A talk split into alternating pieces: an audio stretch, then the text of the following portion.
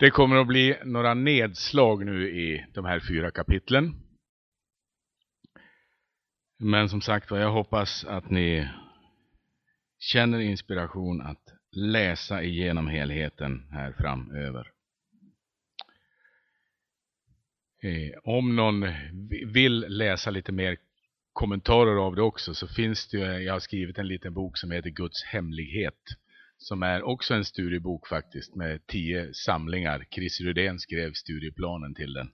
Så den kan också användas i bibel och bönegrupp och då har man alltså tio samlingar om Kolosserbrevet och går igenom texten. Så det är ytterligare ett litet exempel på, på bibelutläggande litteratur. Först vill jag kommentera inledningsformuleringen från Paulus genom Guds vilja Kristi Jesu apostel.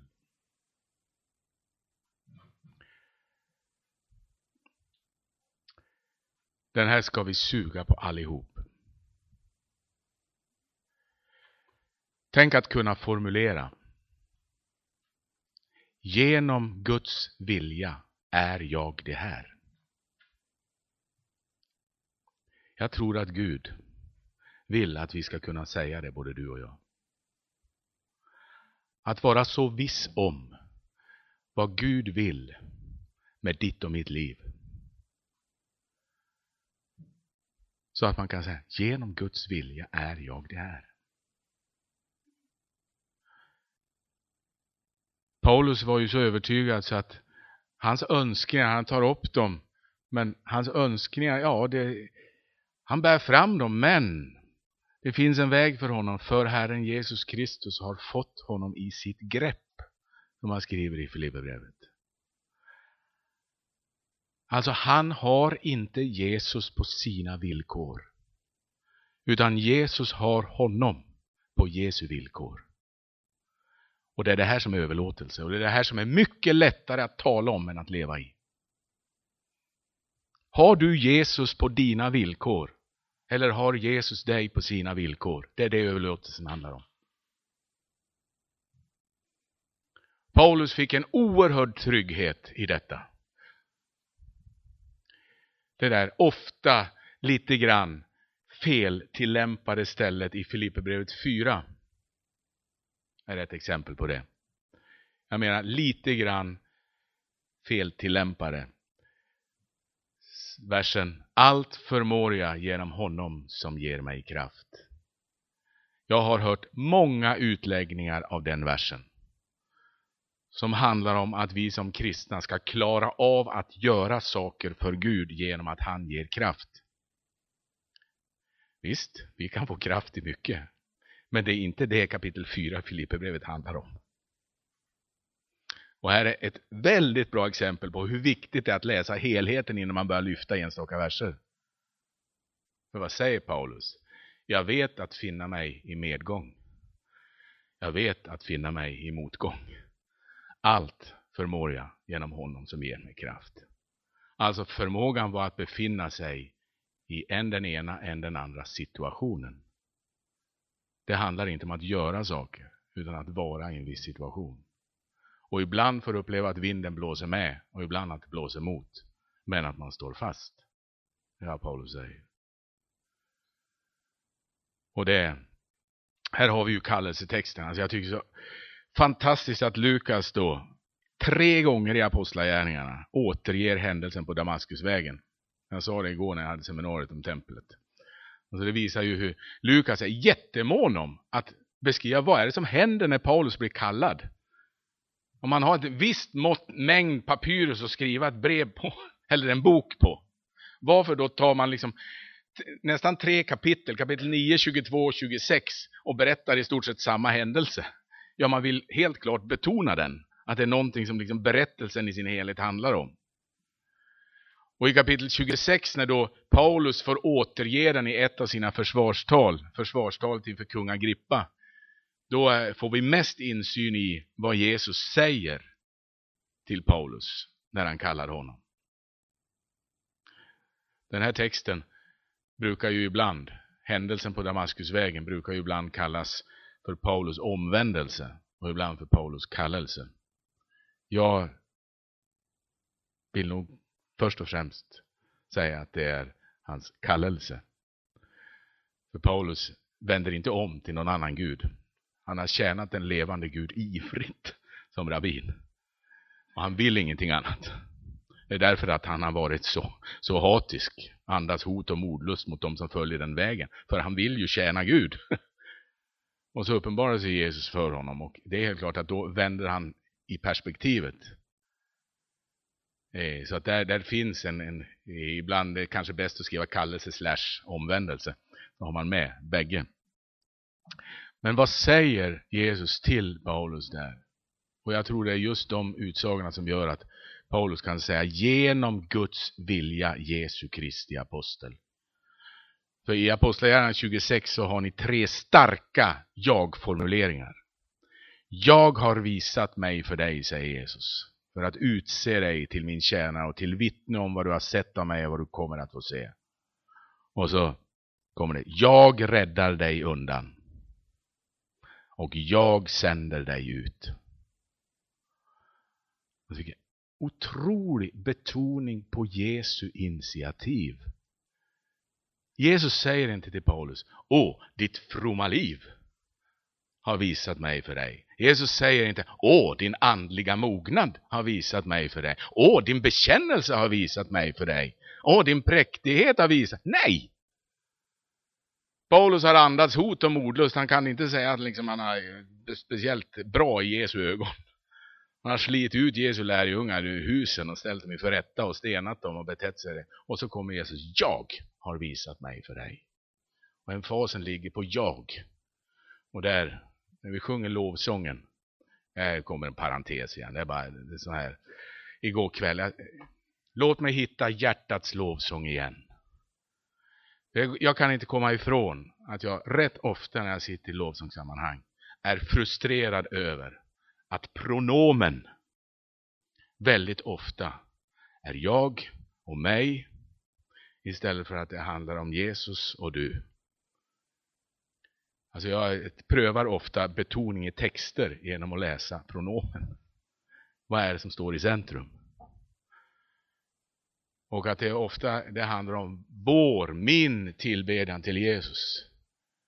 Istället för att det är Jesus som uppenbarar sig för mig och jag kan inget annat än bara vara inför honom.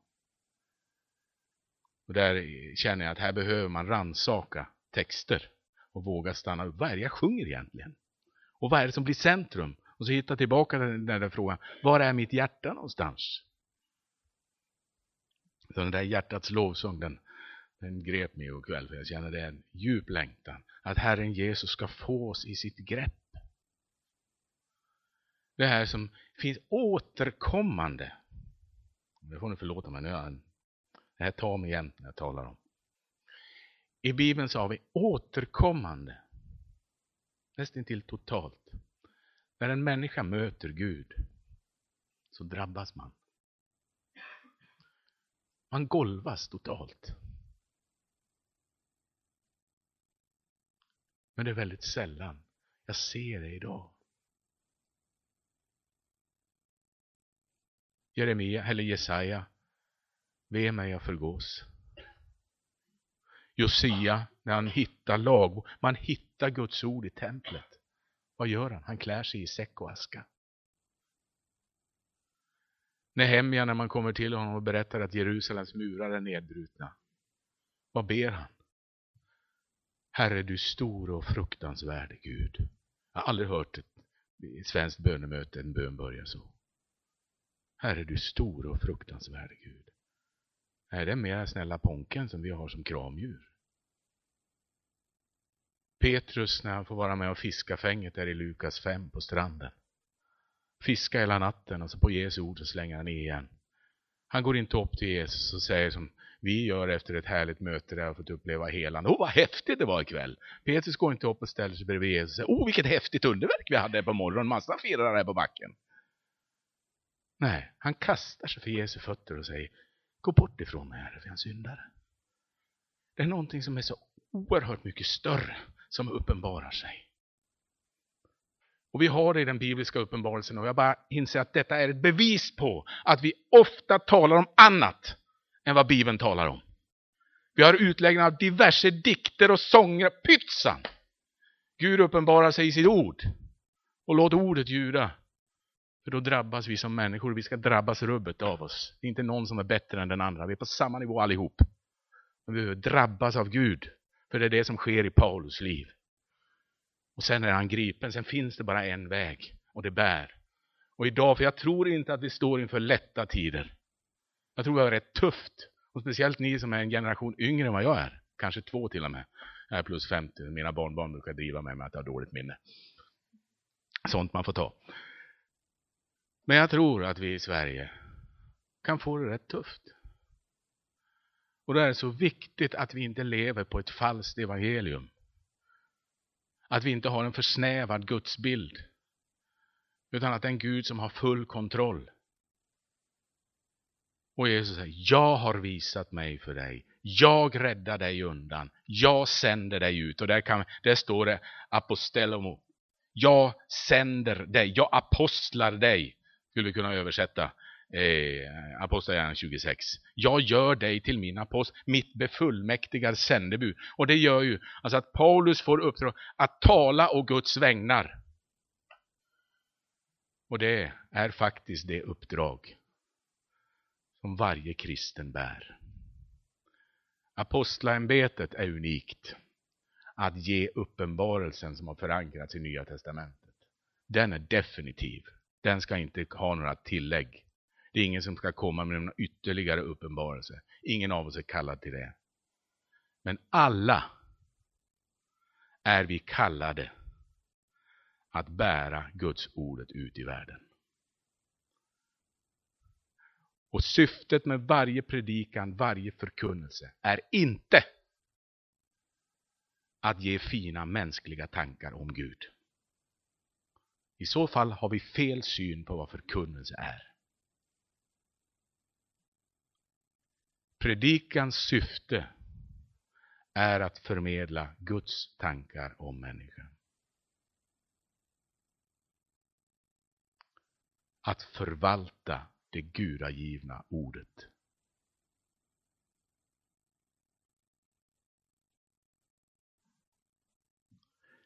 Vad räddas Paulus undan? Jesus säger, jag räddar dig undan i sin kallelse. Och det kan man också fundera på. Och det är här som stärker mig att det faktiskt inte handlar om någon kuddkristendom. För Paulus hade ju verkligen inte ett lätt liv som apostel. Stenad en gång så att han till och med, vissa utläggare tror att han till och med var död och släpades ut och återfår livet alltså. Andra att han var djupt skadad och sen blir räddad. Och törntaggen vet vi inte vad det är. Det finns ju många hypoteser om det. Men det var någonting som han brottades med mycket, mycket tufft. Det vet vi. Och får höra min nåd är dig nog. Vad är han räddas undan? Jag tror det är precis samma sak som, som för Jeremia. För Jeremia får ju höra när Herrens ord kommer till honom i kapitel 1 i Jeremia bok. Frukta inte, jag är med dig. Och så sätts han att bryta upp och, eller bryta ner och bygga upp. Och rycka upp och plantera. Det är Jeremias uppdrag. Och så får han höra, frukta inte, var inte rädd alltså. Och vad får Jeremia uppleva? Bara spott och spä nedsänkt i en brunn, medtagen bort i, i, när de sticker för att inte hamna i fångenskap. Eh, får bara ta glåpord. Han fick aldrig höra Jeremia. Han fick aldrig höra av auditoriet. Åh, vilken häftig predikan du hade ikväll, Jeremia. Han fick never. Det var ingen som sa det till honom någon gång. Och så i kapitel eh, 20 i Jeremia bok så har vi hans uppsägning. Om ni läser kapitel 20 så det, finns det inget kvar hos Jeremia. Det är som att säga, I quit. Han slutar. Då är han totalt golvad. Men när jag sa, nu kommer det. Men när jag sa, jag vill inte vidare tala i det namnet. Nu kommer det. Då blev det i mitt inre som brann där en eld. Jag kunde inte uthärda den. Och så står han där igen och säger, så säger Herren. Det här är kallelsen, det här är att vara buren i överlåtelsen. Och vi måste börja tala om det här igen. Det håller även om du är totalt golvad när du har mött Gud. För Gud bär. När du ligger där och säger jag slutar nu. Ja, säg ut det, var ärlig. Börja inte fejka med Gud. För det är hans kraft det handlar om. Och det är han som vill bli synlig genom dig och mig. Det är inte att vi har kommit så långt eller är så väldigt mogna och utbildade och duktiga. Han vill nyttja dig och mig precis där vi är idag. Och utifrån den punkten för oss vidare. Och här är Paulus alltså ett enormt föredöme för oss. Och hur han sen lotsar in Timoteus i detta. Och det har ni, ju, Timoteus finns ju med som, som medresenär här i Kolosserbrevet och sen får han ju då en oerhört stark vägledning. Och där relationen mellan Paulus och Timoteus, den är värd många egna bibelstudier. För att den var djup. För det är i det andliga testamentet i andra Timoteusbrevet, så då skriver ju Paulus alltså, jag minns dina tårar när de skildes. Alltså det var tufft för Timoteus när de skildes.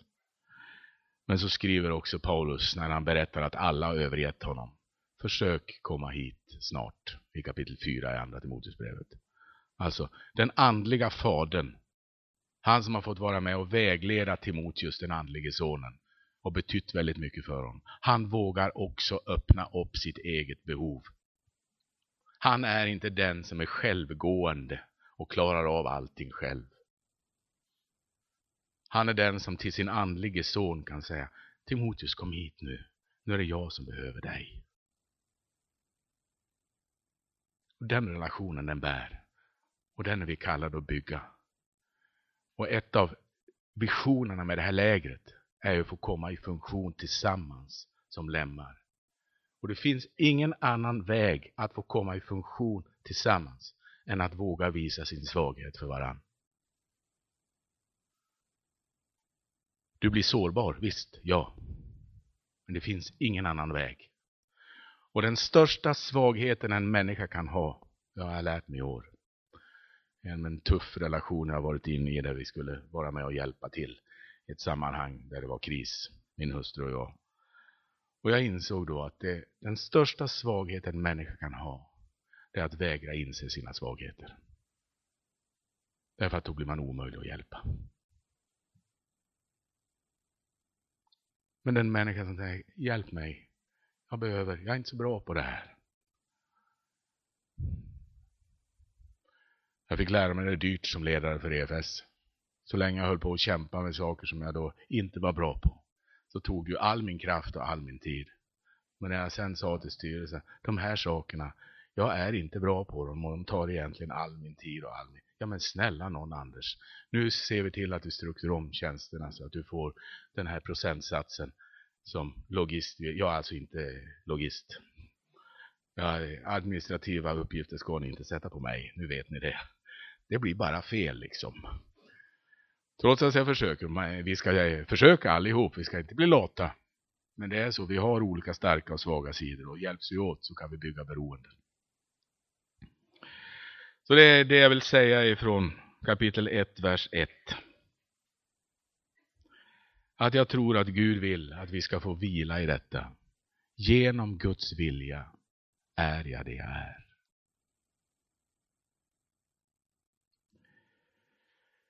Så kommer det.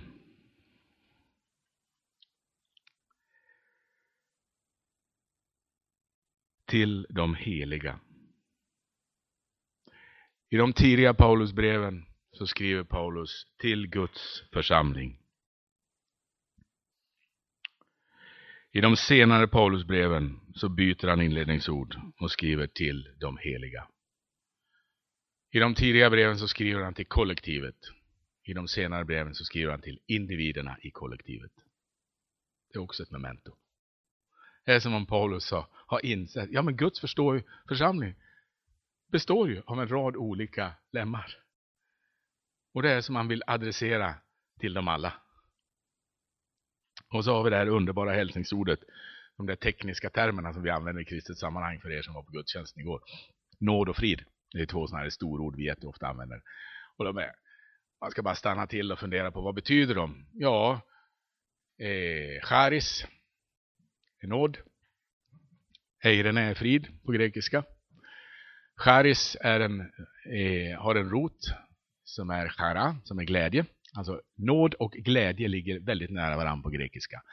Att glädjas är charein på grekiska. Det är alltså den nåderika glädjen som man hälsade varandra med i den grekiska världen. Charein. Man önskade varandra. Nådens glädje i den grekiska världen. Frid heter på hebreiska shalom. Det hälsar man fortfarande varandra med i den judiska världen. Alltså när Paulus säger nåd och frid, då är det som han säger, nu hälsar jag er både i grekisk kultur och judisk kultur. Och dessutom är det två ord som är kopplade till Jesu verk. Så det är alltså oerhört bra av Paulus. Men genom att han tar det grekiska hälsningsordet och det hebreiska hälsningsordet så blir det liksom, det gäller alla. Han adresserar in i två kulturer. Och nu ska vi göra nedslag, kära vänner. Nu tar vi vers 9. Vers 9 i Kolosserbrevet 1. Nu är vi inne på bönen. De har hört att de har kommit till tro. Epafras har fört evangeliet, sanningens ord till dem i Kolossen. Och så kommer vers 9. Från den dag då vi fick höra detta har vi därför ständigt bett för er. Vår bön är att ni ska fyllas av kunskap om Guds vilja med all andlig vishet och insikt. När Paulus ber så ber han inte som jag ofta gör. Hur rannsakar jag mitt eget böneliv och det brukar jag göra inför den här versen. Paulus bön är inte som min ofta är. Min bön är väldigt ofta att Gud ska uppfyllas av kunskap om min vilja. Paulus bön är att de troende ska uppfyllas av kunskap om Guds vilja. Bönen ligger alltså väldigt nära överlåtelsen. Återigen det här, vad är centrum i mitt liv? Ja, jag måste bara erkänna att jag själv faller dit gång på gång på gång och utgår från mig själv som centrum i mitt liv. Och behöver på nytt och på nytt lämna över. Gud, fyll mig med, med ditt perspektiv, med din vilja, med ditt sätt att se på saker och ting. Förlåt mig att jag ofta utgår ifrån att jag själv är centrum. Visst, det står, gör alla era önskningar kunniga genom åkallande bön. Visst, vi får lyfta upp. Men en grundbön i Fader vår är ske din vilja. Och detta att få lyfta upp önskningarna är ju att överlåta dem till Gud för att hans vilja ska få ske i det. En liten kommentar till den. Sen ska vi läsa förkunnelsen om Kristus. Kolosserbrevet 1, 15-20. Här har ni Nya Testamentets starkaste starkaste verser om Kristi suveränitet. Det finns inga verser som mer tydligt i Nya Testamentet uttrycker både att Kristus är suverän och tillräcklig. Vi läser. Han är den osynlige Gudens avbild, den förstfödde i hela skapelsen. Ty i honom skapades allt i himlen och på jorden, synligt och osynligt, troner och herravälden, härskare och makter. Allt är skapat genom honom och till honom. Han finns före allting och allting hålls samman i honom. Och han är huvudet för kroppen, för kyrkan, han som är begynnelsen, förstfödd från de döda, till att överallt vara den främste. Ty Gud beslöt att låta all fullhet bo i honom och att genom hans blod på korset stifta fred och försona allt med sig genom honom och till honom, allt på jorden och allt i himlen. Ta en blyertspenna och så stryker du under orden allt i allt överallt i de där verserna. Och sen frågar dig, finns det någonting som är utanför Kristus? Hävdar du det så motsäger du Kolosserbrevet 1, 15-20. Finns det någon del av livet som inte hör till Kristus? Vad det gäller skapelsen eller vad det gäller frälsningen? Nej. Vi är väldigt duktiga på att dela upp vårt liv i en sekulär sektor och en andlig sektor. Då gör vi något som inte är bibliskt. I Kristus så är livet integrerat. För alla delar av livet har sin begynnelse hos Kristus. Det här var förmodligen en sång i den tidiga kristna kyrkan. Den är skriven så att den går att sjunga. Om ni läser en grekisk eh, Nya Testamentet så ser ni det. Då har man satt den ofta i, på versmåttet.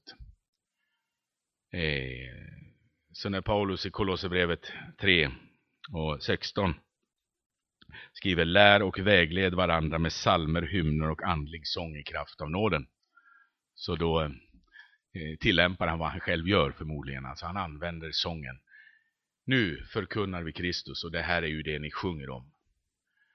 Och eh, här är också en sida, jag pratade med Bengt Johansson om det här några gånger och Bengt är en av de absolut vassaste, måste jag säga, textförfattare vi har vad det gäller lovsång i, i Sverige. Och också vad det gäller att översätta. För att eh, Eh, Graham Kenrick, en av de engelska lovsångsledarna som jag mötte en gång i England, eh, hade också det här ljuvliga perspektivet att lovsången inte bara ska eh, då upphöja Gud, den ska också förkunna för oss vem Gud är. För vi sjunger in kunskapen. Det här är ju någonting som Lina Sandell hade lärt sig. Eh, Lina Sandell som ju är förmodligen den mest kända svensken utomlands. Alltså hon, Mm. ja, tryggare kan ingen vara, den sjungs över världen. Och eh, eh hon som brukar kallas stiftelsens lilla piga när hon jobbar på EFS kansli där i, i slutet på 1800-talet.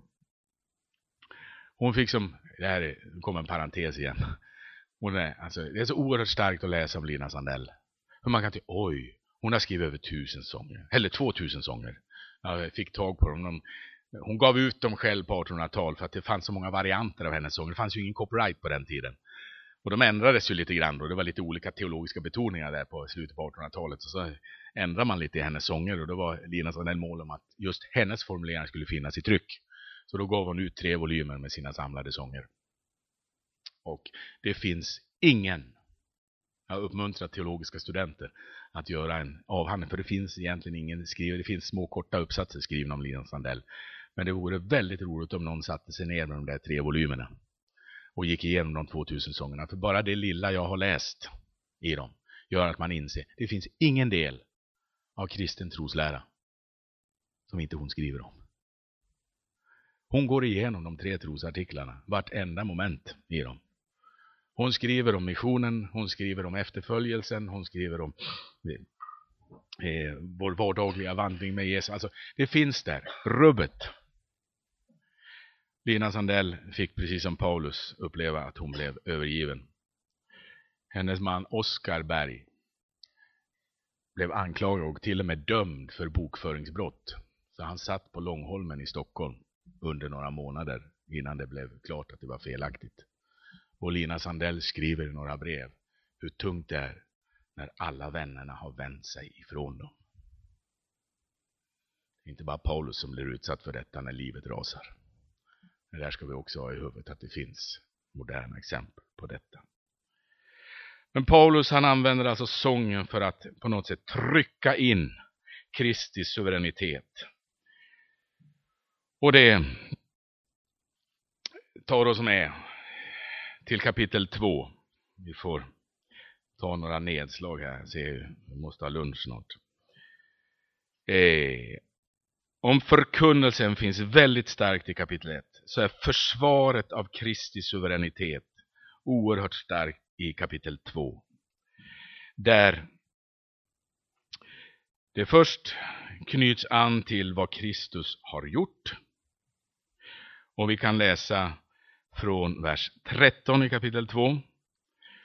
Och ni som var döda genom era överträdelser och ert oomskurna tillstånd, er har Gud gjort levande tillsammans med Kristus, i och med att han förlät oss alla våra synder. alla våra överträdelser och drog ett streck över det skuldebrev som belastade oss med lagens krav. Han har utplånat det genom att spika det på korset. Han avväpnade härskarna och makterna och utsatte dem för allas förakt när han triumferade över dem genom Kristus. Vers 14 kan man översätta och överkorsade skuldebrevet. Överkorsade skuldebrevet. Här är Paulus väldigt eh, bild... Eh, eh, ska säga, han eh, använder en bild för att förklara vad han eh, menar. Han tar den från den grekiska och romerska slavmarknaden.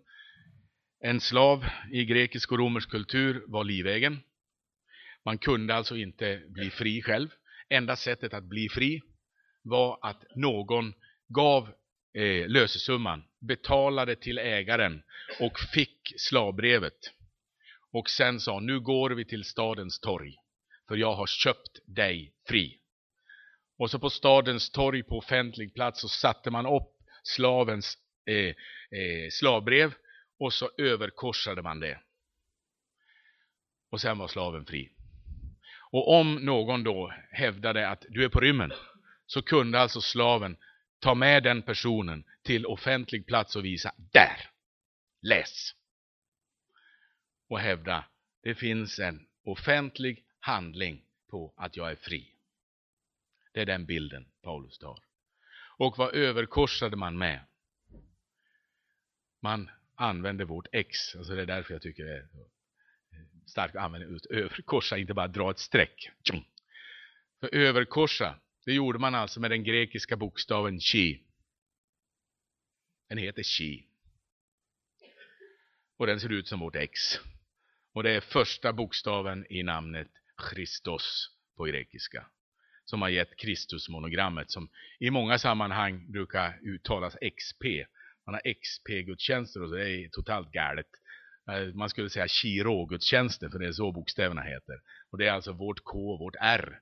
Så antingen ska man säga KR-gudstjänster, eller ska man säga Chiro-gudstjänster. För det är alltså de två första bokstäverna i Kristus. Och det är alltså första bokstaven i titeln, som ju Kristus är, det är ju Messias-titeln. Chi, som man då använder för att överkorsa skuldebrevet. Och när Paulus säger att han har överkorsat är det alltså som om Kristus har satt sitt namn. Det är han som har betalat. Och så skriver han sitt, sitt namn eller sin titel. Det är ingen mindre än Kristus själv, Messias konungen, som har köpt fri. Och det här var så starkt. Jag var på påskkonferens i Halmstad och undervisade. Jag hade bibelstudium där på morgonen om, om försoningen. Det är mycket lämpligt en påsk tycker jag, och Bibels försoning. Och så kom det en kvinna fram efter bibelslutet, för det hade jag tagit lite grann av de här tankarna från Kolosserbrevet 2 om Kiel. Och så sa han, Anders, vad, vad starkt, sa Vad starkt. Jag har varit med i nyandlighet. Och i nyandligheten talar vi väldigt mycket om Qi. Qigong, Tai Chi och alla Qi-arter. Och Qi på mandarin, det betyder energi. Men jag har aldrig upplevt frihet i livet. Jag har fått andliga kickar. Men jag har aldrig fått uppleva vad det är att vara fri. Och att det är det korset står för. Att han har spikat fast det på offentlig plats i vår historia. När vi anklagas och djävulen är på oss för att hävda att vi sitter fast i det ena och det andra. Och döma oss, få oss att ta bort vårt kristna namn, så kan vi ta med till korset. Titta där du djävul. Där hänger det. Allt som anklagar mig. Jag är fri. Då du, då ger han sig av. Och det är bara där han ger sig av. Det är därför korset är så otroligt starkt. Och det är därför sanningen i det är så viktig att hålla fast vid. det första man ville ta bort.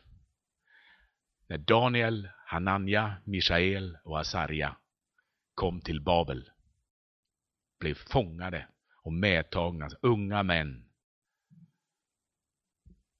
av konungslig börd.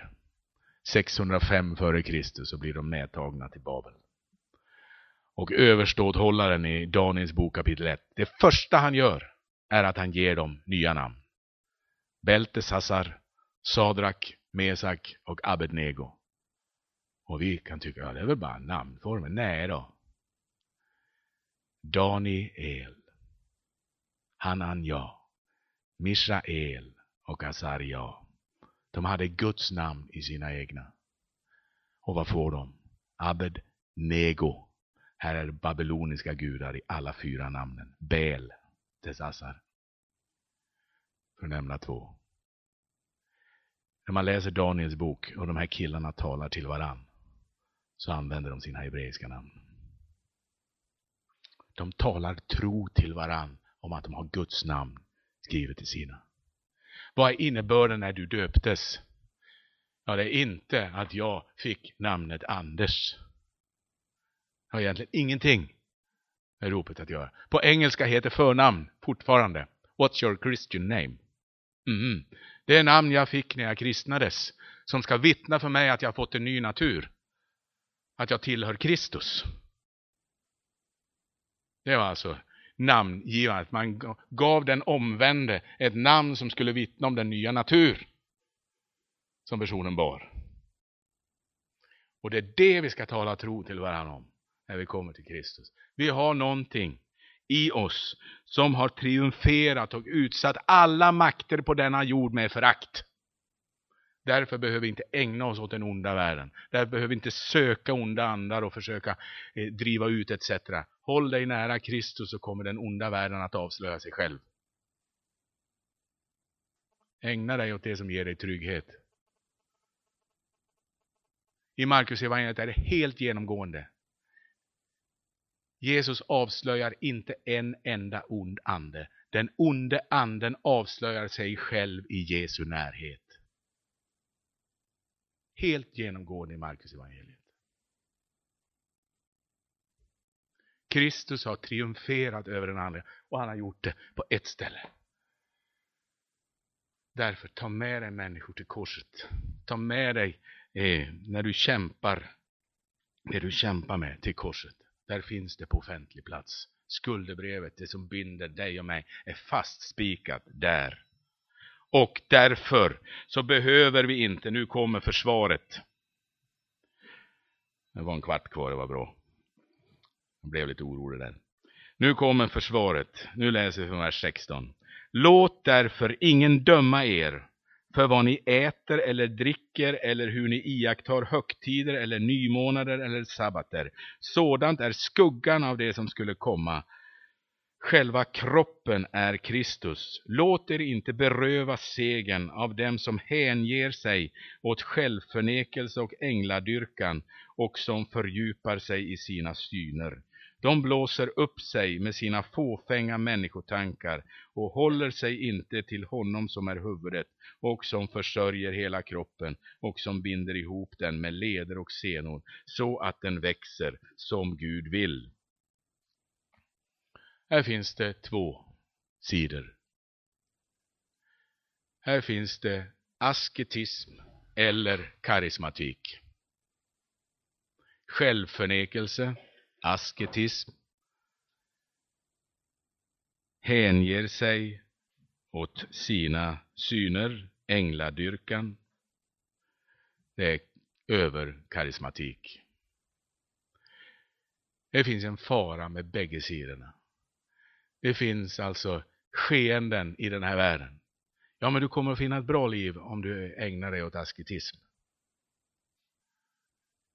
Det är liksom, det är vägen.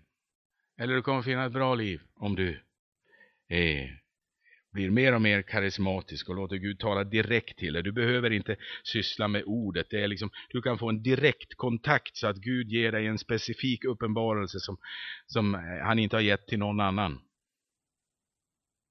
Det här är livsfarligt, bägge dera. För det för oss bort ifrån tryggheten i Kristus. Det kan vara väldigt nyttigt att åka på retreat, att avstå för Kristi skull. Det kan vara nyttigt att stanna upp i förväntan att Kristus vill tala direkt till mig. Men tryggheten har jag hos honom och inte i det yttre mönstret. Och väldigt mycket av eh, då andlighet är knuten till det yttre mönstret. Och det finns ett yttre mönster vi ska hålla fast vid, som inte är skugga, och det är det vi har hängande bakom oss. Eller bakom mig och framför er. Jag brukar säga det, du har två öron och två ögon. Öronen riktade på två håll, ögonen på ett. Sätt ögonen på korset, så kan du höra på skilda håll och hamna rätt.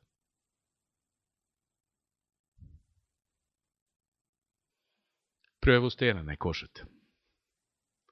Om en sak för dig närmare Kristi kors eller längre bort ifrån Kristi kors, det är det avgörande. Sen kan både asketism och djup karismatik vara oerhört välsignat och fördjupa din närhet till korset. Men det är det det handlar om.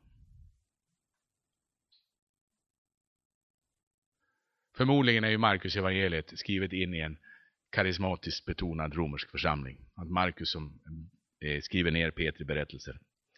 Och det, är, det, finns ju inget evangelium som är så fyllt av stark andlig nedslag, kraft, power. Det är liksom jämt i Markus evangeliet. Det bara smäller liksom. Det är liksom action till tusen. Väldigt lite undervisning av Jesus. Så bara, händer, händer, händer, händer, händer. Det är därför det är så fascinerande att läsa. Men varje gång någon ska berätta om vad som händer så tystas de. Det tycker jag är så sagolikt i Markus evangeliet. De onda andarna som då reagerar. Vad vill du här du Guds helige? Säger Jesus. Tig! Innan han driver ut. De får inte berätta. De säger ju. Du är Guds helige. Det är ju något rätt de säger om Jesus ner sig. tyst. Och när Jairus dotter har fått livet tillbaka. Så säger till Jesus till föräldrarna. Berätta inte för någon. Och när lärjungarna har en rätt bekännelse till Jesus i Markus 8. Du är Messias. Han förbjöd dem att berätta detta för något. Det är liksom förbud på. Och så brukar jag säga det när jag talar om Markus evangeliet. Va? Man skulle aldrig använda Markus evangeliet i en kurs i evangelisation, för det är förbjudet att berätta om Jesus. Nej, det är inte det. När Jesus har dött så står den romerske officeren vid Jesu kors. Och så säger han, den mannen måste verkligen ha varit Guds son. Och vad börjar Markus? Här börjar glädjebudskapet om Jesus Kristus, Guds son. Vad är grundbudskapet som ska gå ut om Jesus? Ja, det är om Jesu Kristi kors.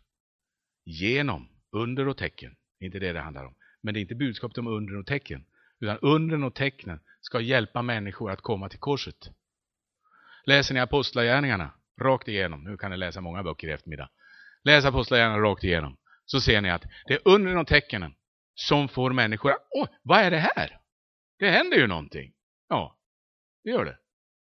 Och så börjar man predika till följd av att folket har sett någonting. Och sen står det, och på grund av ordet så kommer de till tro. Alltså det är genom ordets förkunnelse om Jesus som människor kommer till tro. Det som får dem att stanna upp, det är undret och tecknen. Men vi lever alltid, precis som i Kolosser, för faran att fastna i det där som egentligen ska hjälpa oss att sätta blicken på Jesus, att låta det bli centrum. Det är ju därför vi vill pressa in varandra i olika former och i olika tider i kyrkotraditionen. Ibland, men ett tag, då skulle, det var i min ungdom, då skulle alla åka ner till Jongisho. Då var det liksom där, och det sättet det handlar om. Ett tag så var det retreatrörelse, det var liksom retreat, där skulle allting ske. Då liksom blir det rätt. Och ja, jag som tidigare, ja, jag är fortfarande EFS-are, men nej, jag är inte riktigt anställd nu. Men alltså, man lät man tro sin egen tradition. Om alla skulle bli ELM-are skulle det bli bra. Nej. Alla ska föras till Kristus. Alla ska föras till Kristus. Det är, det är det det handlar om. Och så kan vi faktiskt berikas av varann i olika kyrkotraditioner. Jag satt nere i Katarina-klostret en ortodox munk hade vandrat med mig genom biblioteket. Och jag som bibelforskare var ju, jag var ju lyrisk. Det var ju få turister som kommer in där och så fick, fick jag gå med en munk genom det fantastiska biblioteket som var där nere i klostret. Och så satt vi uppe på taket och samtalade och alltså berättade om, om bönetimmarna de har nere i klostret där. Och så, och så lite sådär. Dumt, säger jag då. Tänk om man kunde ha sån ordning på sitt böneliv. Sådär lite frustrerad svensk. Och så säger han, nej, nej Anders, tänk inte så. Och så kom det, jag ber ju dina böner. Du kan vila på att jag ber här. Vi hör ju samman du och jag. Du har ju ditt ansvar. Och de bara, och liksom sirar bön. Liksom, ja, vi, vi delar ju ansvaret. Vi bär ju varann. Inte vi jämför oss med varann. Utan vi delar ju livet och kan berika varandra. Istället för att pressa in varandra i en asketisk fåra eller en eh, överkarismatisk fåra etc. etc. Så håll er till centrum i evangeliet så kommer ni att kunna höra på två håll. Så det är försvaret. Korset är också försvaret. Korset visar Kristus suveränitet och korset är försvaret, för där har Kristus triumferat. Och så den sista delen, den tillämpade delen. Kristi suveränitet ska bli synlig. Och här har ni det fantastiska sättet som Nya Testamentet alltid förmanar på. Både evangelierna och breven. Så finns det det som kallas för indikativ imperativ.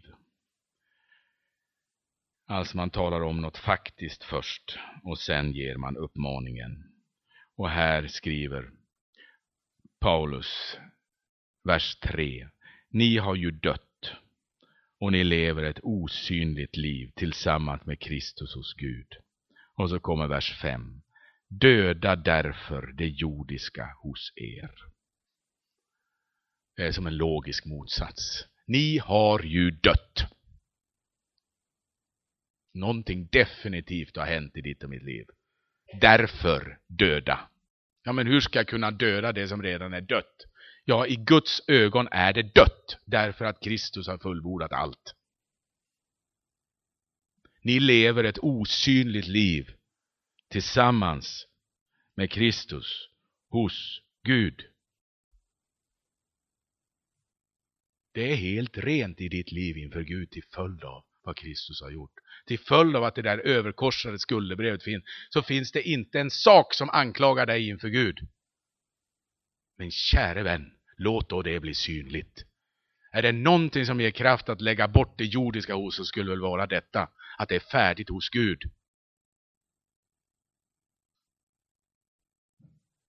Låt det bli synligt vad Kristus har gjort. Frälsning är Kristi verk för oss, det är färdigt hos Gud. Helgelse är Kristi verk i oss. Att han vill inifrån och ut verka fram sin eh, karaktär.